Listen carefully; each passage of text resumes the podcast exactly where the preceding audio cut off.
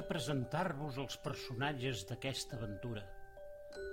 Tots ells són fruit de la meva imaginació, però t'he de dir que s'han inspirat en una colla d'amics meus i cada un d'ells té una petita característica que l'identifica. Tu també pots jugar a imaginar quins dels teus amics s'assemblen als personatges d'aquest conte. El primer personatge és Nagem, una nena petita molt decidida i sense gens de por. En Nas és un homenet pelut, pelut i molt decidit. En Jo és un dels gegants perduts de les muntanyes. Diu la llegenda que n'hi ha set de gegants perduts i cada un d'ells té una peculiaritat diferent. Dels set, en Jo és el gegant més romàntic. Avier i Humàs són dos savis ben despistats però molt decidits. Per arribar a estar d'acord sempre han de discutir molt. Però això no és pas dolent, sempre i quan es posin d'acord. Fins i tot cal posar-se d'acord per no estar d'acord, no et sembla? Istina i Agda són dos fades que canten boniques cançons. La primera li agraden les cançons tristes i a la segona les cançons de misteri i enyorança. Oni és una lluerna amb la llum més brillant i resplendent que mai hagis vist. Una llum que, un cop l'has vist, sempre t'il·luminarà. Per acabar et presentaré a tres guardianes, Nafà, Naïp i Naels. La primera, Fa, guarda les portes del jardí del tot. I malgrat no deixa mai entrar ningú al jardí, quan aquest algú li demana de bon cor, obre les portes de bat a bat. Ip i Els representen el cap i el cor dels éssers vius i guarden el tresor més preuat del jardí del tot, l'arbre de gemmes, d'on hi pengen les gemes que guarden els somnis més preuats de tots nosaltres. Ara que ja coneixes tots els personatges del conte, escolta'l amb atenció perquè és a punt de començar.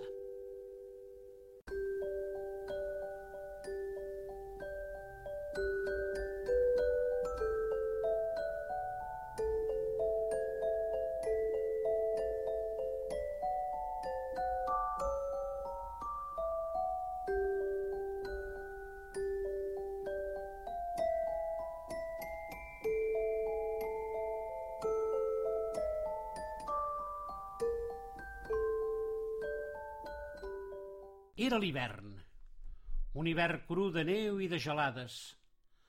Els poblets de muntanya s'arreceraven darrere els abets atapeïts i en els rierols es feien bonics caramells de gel, aprofitant la cursa de les aigües que davalla de les muntanyes. A la vall del Marga, el vent allisava l'herba dels prats per fer-ne llit on s'ajucaven les volves de neu que queien flonges i amansides. Al vell mig d'aquella petita vall, que degut a la catifa blanca de neu semblava eixamplar-se més enllà dels seus límits, hi havia una caseta on hi vivien Nagem, els seus pares i els seus germans més petits. Nagem era menuda, rossa com un fil d'or i amb una veu d'espinguet. Era alegre com cap altre i, sí, per un casual, el cor d'algú s'entristia per alguna mala passada – ella sabia com fer-lo bategar d'alegria. A l'hivern sempre portava guants a dins i a fora de casa. Li agradaven els seus guants de llana que li havia teixit la seva mare amb dues borles que li penjaven a l'alçada dels canells. I també li agradava el seu tapaboques, que feia joc amb els guants, i la gorra de colors vius, i els mitjons de llana gruixuda perquè així podia córrer per casa sense sabates. La casa de Nagem era molt senzilla. Es pot dir que tot era la mateixa habitació. El llit dels pares, el llit de Nagem i els seus germans, la cuina i el menjador. Tot en una sola habitació. D'aquesta manera el foc de la llar podia escalfar tots els racons de la casa. Els hiverns a la vall no eren pas tan durs com en els poblets de muntanya, Però aquell any va ser diferent. La neu havia colgat els camins i l'aigua dels pous s'havia gelat. Així és que cada dia el pare de Negem anava al rierol, feia un forat al gel, omplia el cubell d'aigua per després traginar-lo fins a casa seva. I ara em direu, tenint tanta neu a la porta de casa, per què anava a cercar l'aigua al riu? Ja us ho diré. El pare de Negem sempre deia que l'aigua que ve de les muntanyes és més bona que la que cau del cel. Vet aquí que un bon dia, al llevar-se, Negem va trobar els seus pares al llit amb una febrada de mil dimonis. Els dos s'havien posat molt malalts i no podien ni tan sols llevar-se per atiar el foc. Això no va espantar gens ni mica Negem, al contrari. Feia poc havia decidit fer-se gran i per a demostrar-ho res millor que fer les feines que fan els grans. De primer se'n sortia prou bé. Posar llenya al foc, endreçar la casa, preparar l'esmorzar, fins i tot pelar patates, triar mongetes i tallar un bon tall de cansalada per fer el dinar. Tot anava sobre rodes, però ja no quedava aigua. Anar a buscar aigua, ja us ho he dit, era una feina molt feixuga. El pare no feia més que dir-li que ho deixés córrer, que el millor que podia fer era omplir un oll amb neu i posar-la al foc. Però Negem era molt tossuda i va dir «Com l'aigua del rierol no n'hi ha cap, perquè ve de les muntanyes», tal i com li havia dit cent vegades el seu pare. Per això calia anar a cercar-la al rierol. Dit i fet. En un obrir i tancar d'ulls, Negem va agafar el cubell i el martell per trencar el gel, i calçant-se les raquetes i obrint-se pas enmig de la neu, va adreçar-se cap al rierol. Aquella nit havia tornat a nevar i la neu que trepitjava Negem era molt tova, tan tova que les raquetes se li enfonsaven i tota ella quedava colgada per la neu, de manera que li era impossible orientar-se. Així és que, a poc a poc i sense adonar-se'n, es va anar allunyant de casa seva i del rierol. El dia avançava, s'acostava la nit i el rierol no apareixia per enlloc. Negem es va enfilar damunt del cubell per veure si s'orientava, però quina va ser la seva sorpresa en veure que estava enmig d'una gran planura de neu i res més. Ni tan sols podia veure les muntanyes que li haurien servit per orientar-se, perquè aleshores una espessa boira les havia tapat. Lluny d'espantar-se, Negem va creure que el millor que podia fer era descansar una estona i pensar com podia sortir-se'n d'aquell atzucac. Tot d'una va sentir un soroll molt estrany. Era com si algú estigués furgant dins la neu. «Ei, qui ronda per aquí?» va dir tota decidida. De cop i volta, i en la gruixuda capa de neu, es va fer un esborang d'on hi va sortir una mena d'homenet, tot pelut i cobert amb un abric i un barret molt estrafolari.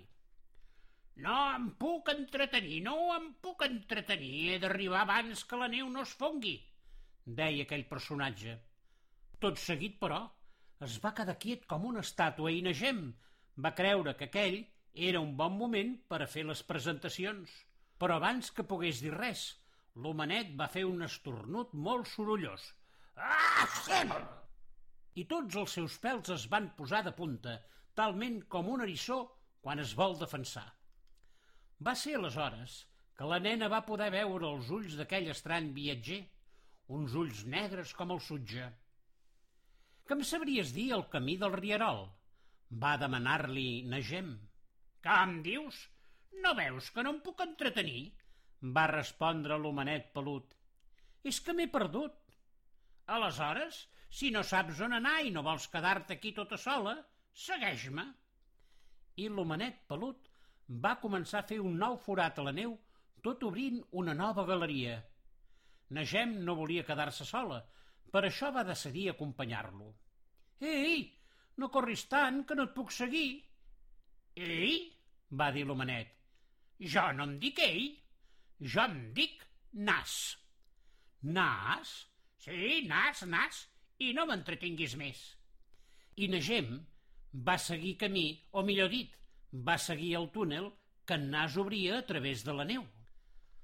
Passada una bona estona van arribar a una petita clariana i en Nas va començar a treure dels seus cabells tota mena d'estris. Un fogonet per fer sopes, dos plats, dues culleres, un serronet amb queviures i un estrany enginy que, en prema-li un botó, es va convertir en una bonica tenda per arrecerar-se del fred i passar la nit. Que bé que va dormir Negem aquella nit. Els pèls d'en Nas li feien de coixí i de flaçada i eren tan flonjos com l'adredor de plomes que tenia en el seu llit. L'endemà, un gran terrabastall va despertar en Nas i Negem. «Corre, corre!» va dir en Nas. «Hem de cercar un refugi!» «Per què hem de cercar un refugi?» «No sents aquest terrabastall? És el gegant en Jo que s'acosta. Si no trobem refugi ens pot esclafar. El gegant en Jo s'acostava i a cada passa la neu s'esmicolava i es fonia, convertint-se en toll d'aigua. En Jo era un dels set gegants perduts de la muntanya. Dormia a l'estiu i vaguejava a l'hivern cercant altres companys. Era un gegant inofensiu, però perillós per a tots aquells que no li arribaven a l'alçada del turmell, perquè no els veia i, sense adonar-se, els podia esclafar. Ei, ei, vés alerta que som aquí i ens podries trepitjar, va escridar Sant Agem. Què és això? Qui crida? va dir tot estorat el gegant en Jo. La veu d'espinguet de Negem havia arribat sortosament a la oïda del bon gegant, que girava i regirava per endevinar d'on venia aquell crit. Si mires al costat de la teva bota esquerra, em veuràs. I tant, si els va veure. Quin ensurt s'endugué el pobre gegant. Es va espantar tant que va caure de cul damunt la neu. En Jo va agafar amb molta cura Negem i en Nas i se'ls va posar a la mà. Qui sou vosaltres? Som gent que cerquem, va dir en Nas. Cerqueu. Així doncs feu com jo. Jo també cerco. Què us sembla si cerquem plegats? Però hauríem de saber què cerquem, va dir Negem. Tant se val, va replicar en Nas. Si cerquem plegats, segur que trobarem allò que cerquem. I sense pensar-ho dues vegades, el gegant en Jo va posar a Negem i en Nas el seu barret i van emprendre el camí plegats. No havia passat ni mitja hora que van topar amb dos savis despistats – L'un es deia Vier i l'altre Humàs. Els dos discutien acaloradament sobre quina direcció havien d'agafar. Bon dia, companys. Qui sou? Jo sóc Vier. I jo sóc Humàs. Som savis, sabeu? I per què discutiu? va preguntar en Nas. Discutim perquè decidim quin camí és el millor per seguir caminant. Si seguiu amb nosaltres no us caldrà discutir, va dir el gegant en Jo. I per què hem de creure que el teu camí és el millor? Perquè en aquest indret no hi ha camins, tot és pla i llis com el palmell de la mà. La neu esborra els camins, sabeu? va dir el gegant. I ben mirat en Jo tenia raó, perquè en aquelles circumstàncies el camí es feia a mida que s'avançava per la planura blanca. Havia i Humàs van decidir fer companyia a aquells pelegrins de la neu i tots plegats emprengueren el pas ben decidit.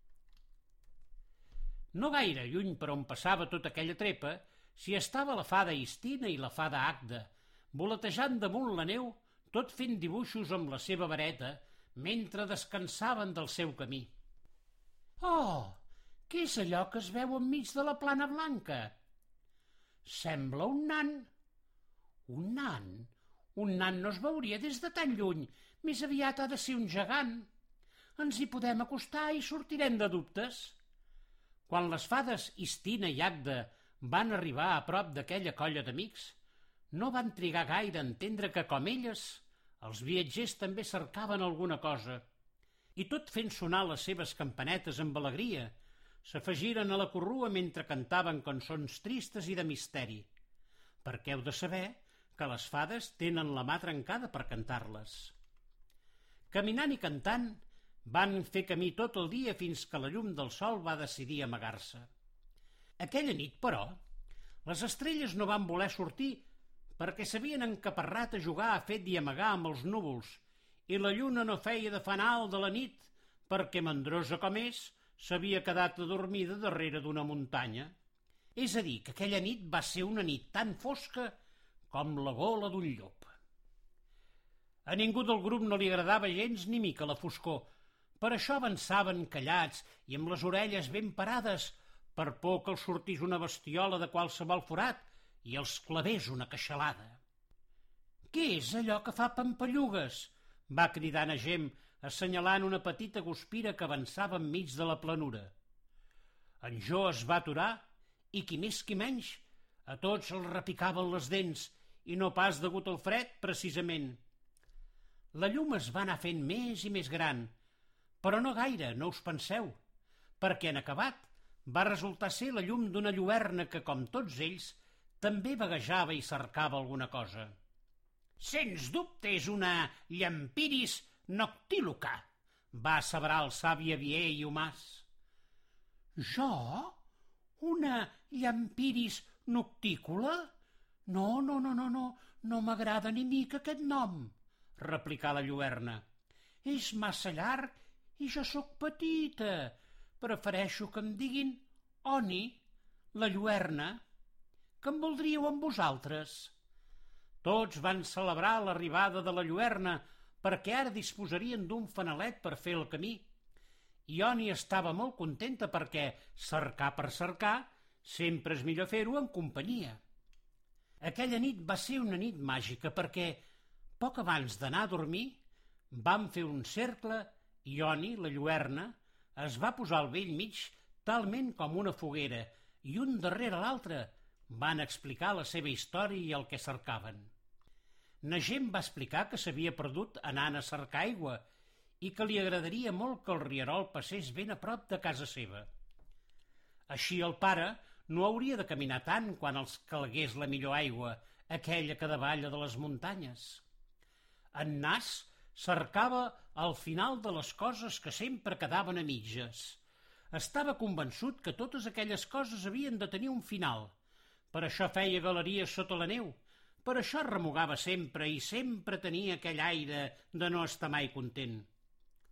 En Jo, el gegant, volia trobar un bon amic. El cercava des que era petitó, però era tan, tan i tan gros que tothom el defugia i el creia perillós. Ser diferent l'havia allunyat dels altres, però mai no havia deixat de creure que a la fi trobaria un bon amic. Havia i Humàs, els dos savis despistats, cercaven fórmules màgiques, però no pas aquella mena de fórmules científiques o complicades, sinó fórmules més simples que servissin per despertar l'enginy, per deixar de fer coses avorrides i fer perdurables les idees que sorgeixen espontànies i fresques.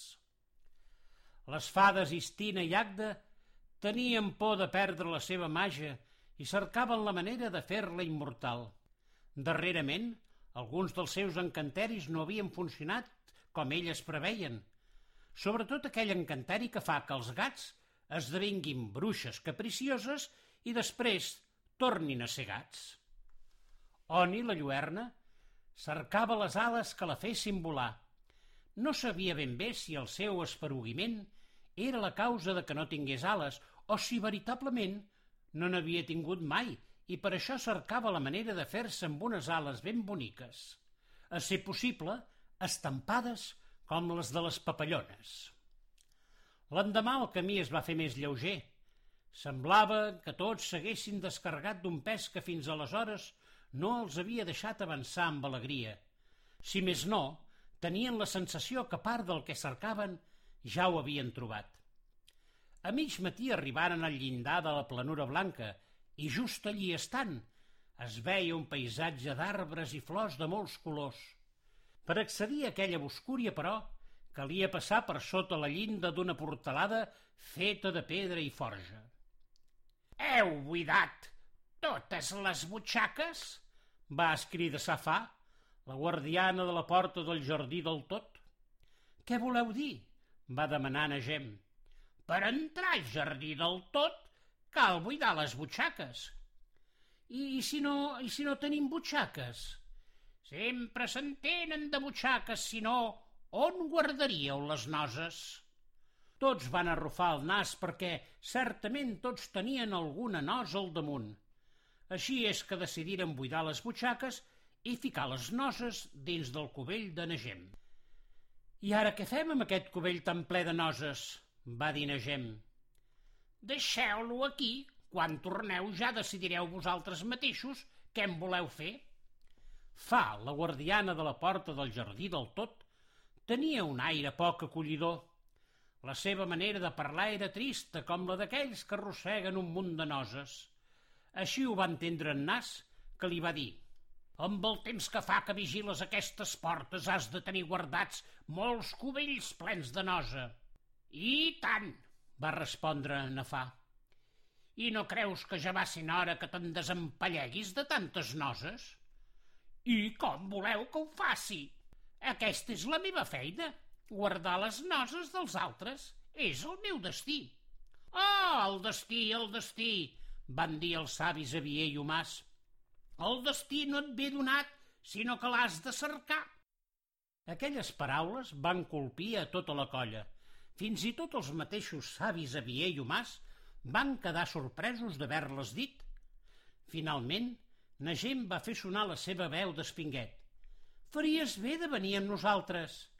Vols dir que jo recordi mai ningú m'havia convidat a passar al jardí del tot. I ara que hi penso, mai he entrat al jardí del tot. I com és que sense conèixer-lo el vigiles?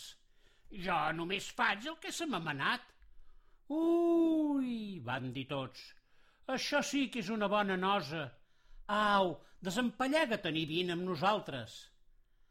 Fa, la guardiana de la porta del jardí del tot, va decidir buidar-se les butxaques de les seves noses i abocar-les junt amb tots els cubells de noses que guardava al barranc de les noses.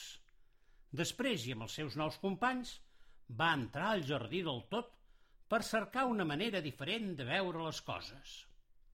El jardí del tot era frondós i ple d'aromes indescriptibles. Només calia estirar el braç per omplir-te les mans de flors i pètals multicolors que s'escampaven per damunt la pell i la tenien. Les aigües del riu eren cristal·lines i s'hi podia veure la llera i els peixos també de coloraines, nedant amunt i avall. A mida que avançaven, el jardí s'espacia més i més i els era molt difícil obrir-se pas per entremig d'aquella meravellosa selva. De cop i volta es va produir un estrany sortilegi. Els arbres van començar a moure's tot fent un cercle i obrint una clariana coberta amb una catifa de flors blanques.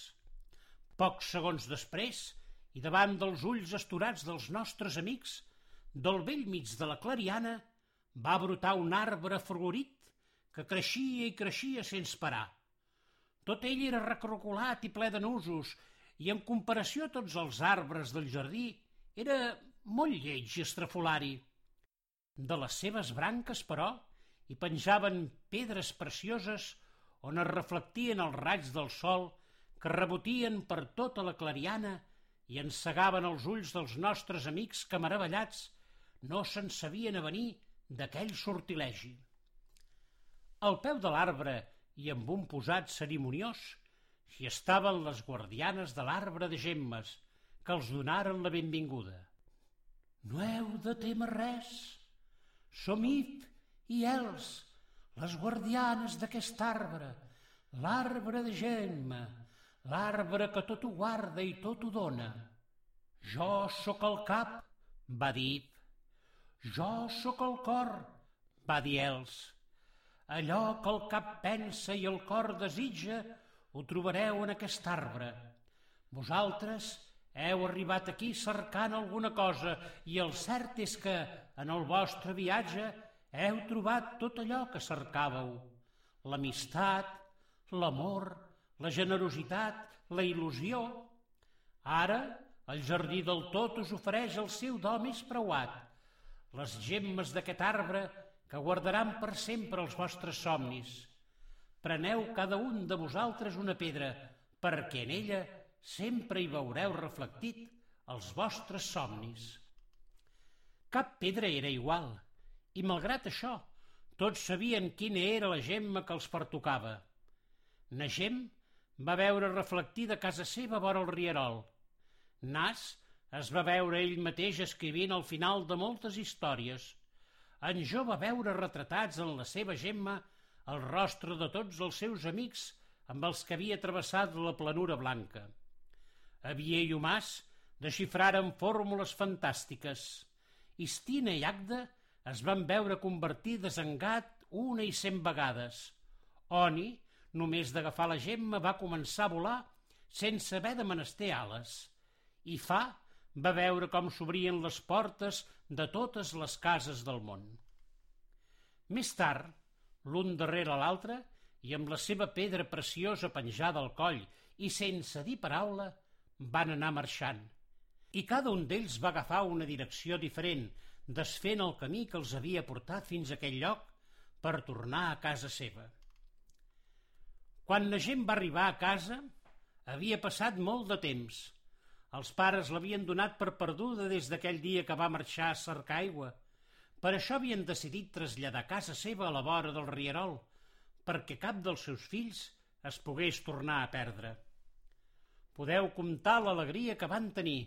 Tot eren plors i rialles, i Nagem només volia explicar la seva fabulosa aventura per la planura blanca i pel jardí del tot, amb els seus amics, en Nas, l'Enjó, l'Avier, l'Omàs, l'Istina, l'Agda, On i la Lluerna, Nafà, l'If i l'Els.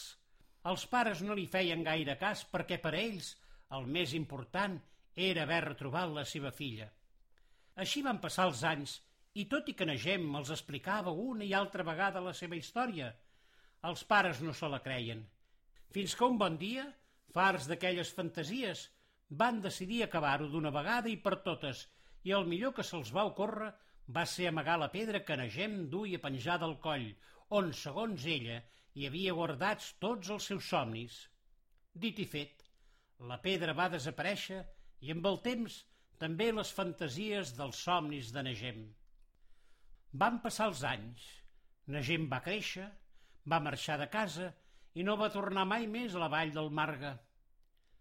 Molt de temps després, però, quan Negem ja era molt gran, després d'haver estat mare i àvia i fins i tot besàvia, va tornar a la vall del Marga. La vall no havia canviat gaire de com era i com la recordava.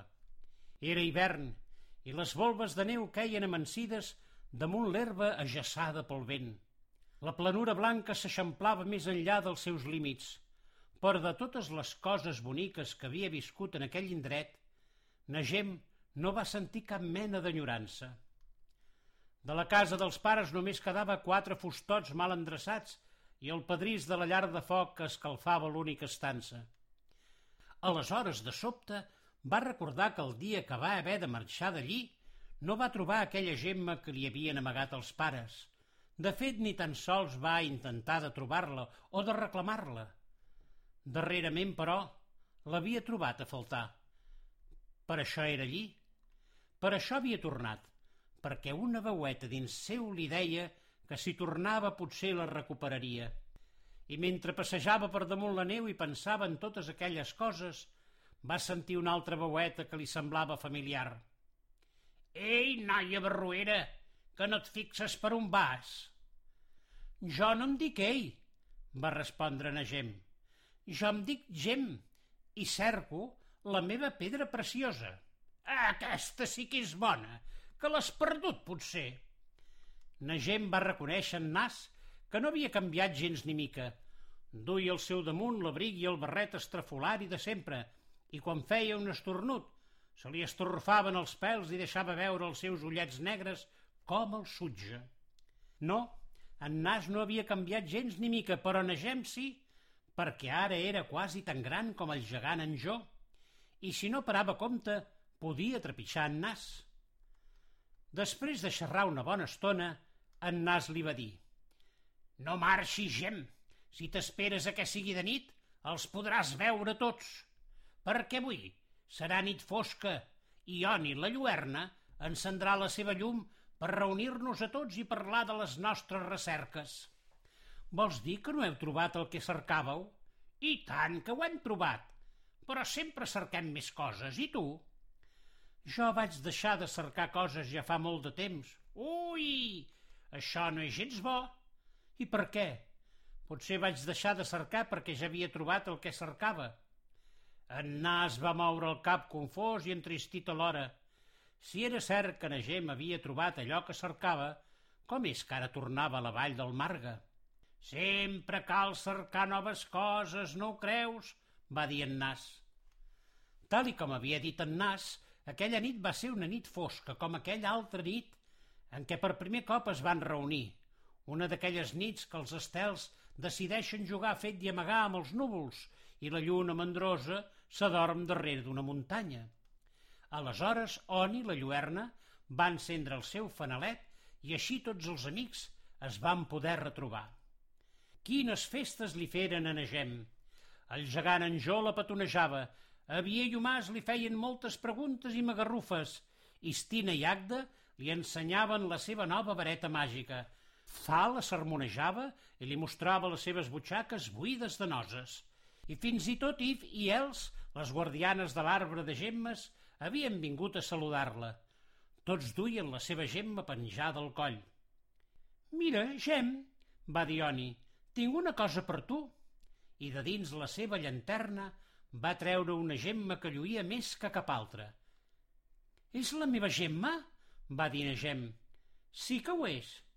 I per què brilla tant?» «Perquè està plena de somnis que tu mai no has pogut realitzar». Negem va agafar aquella pedra preciosa i se la va penjar al coll.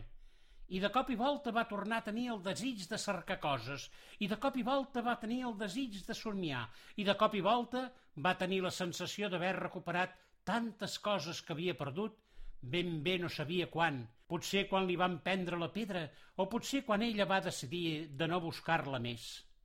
Aquest cop, però, no la tornaria a perdre i no deixaria que ningú li prengués.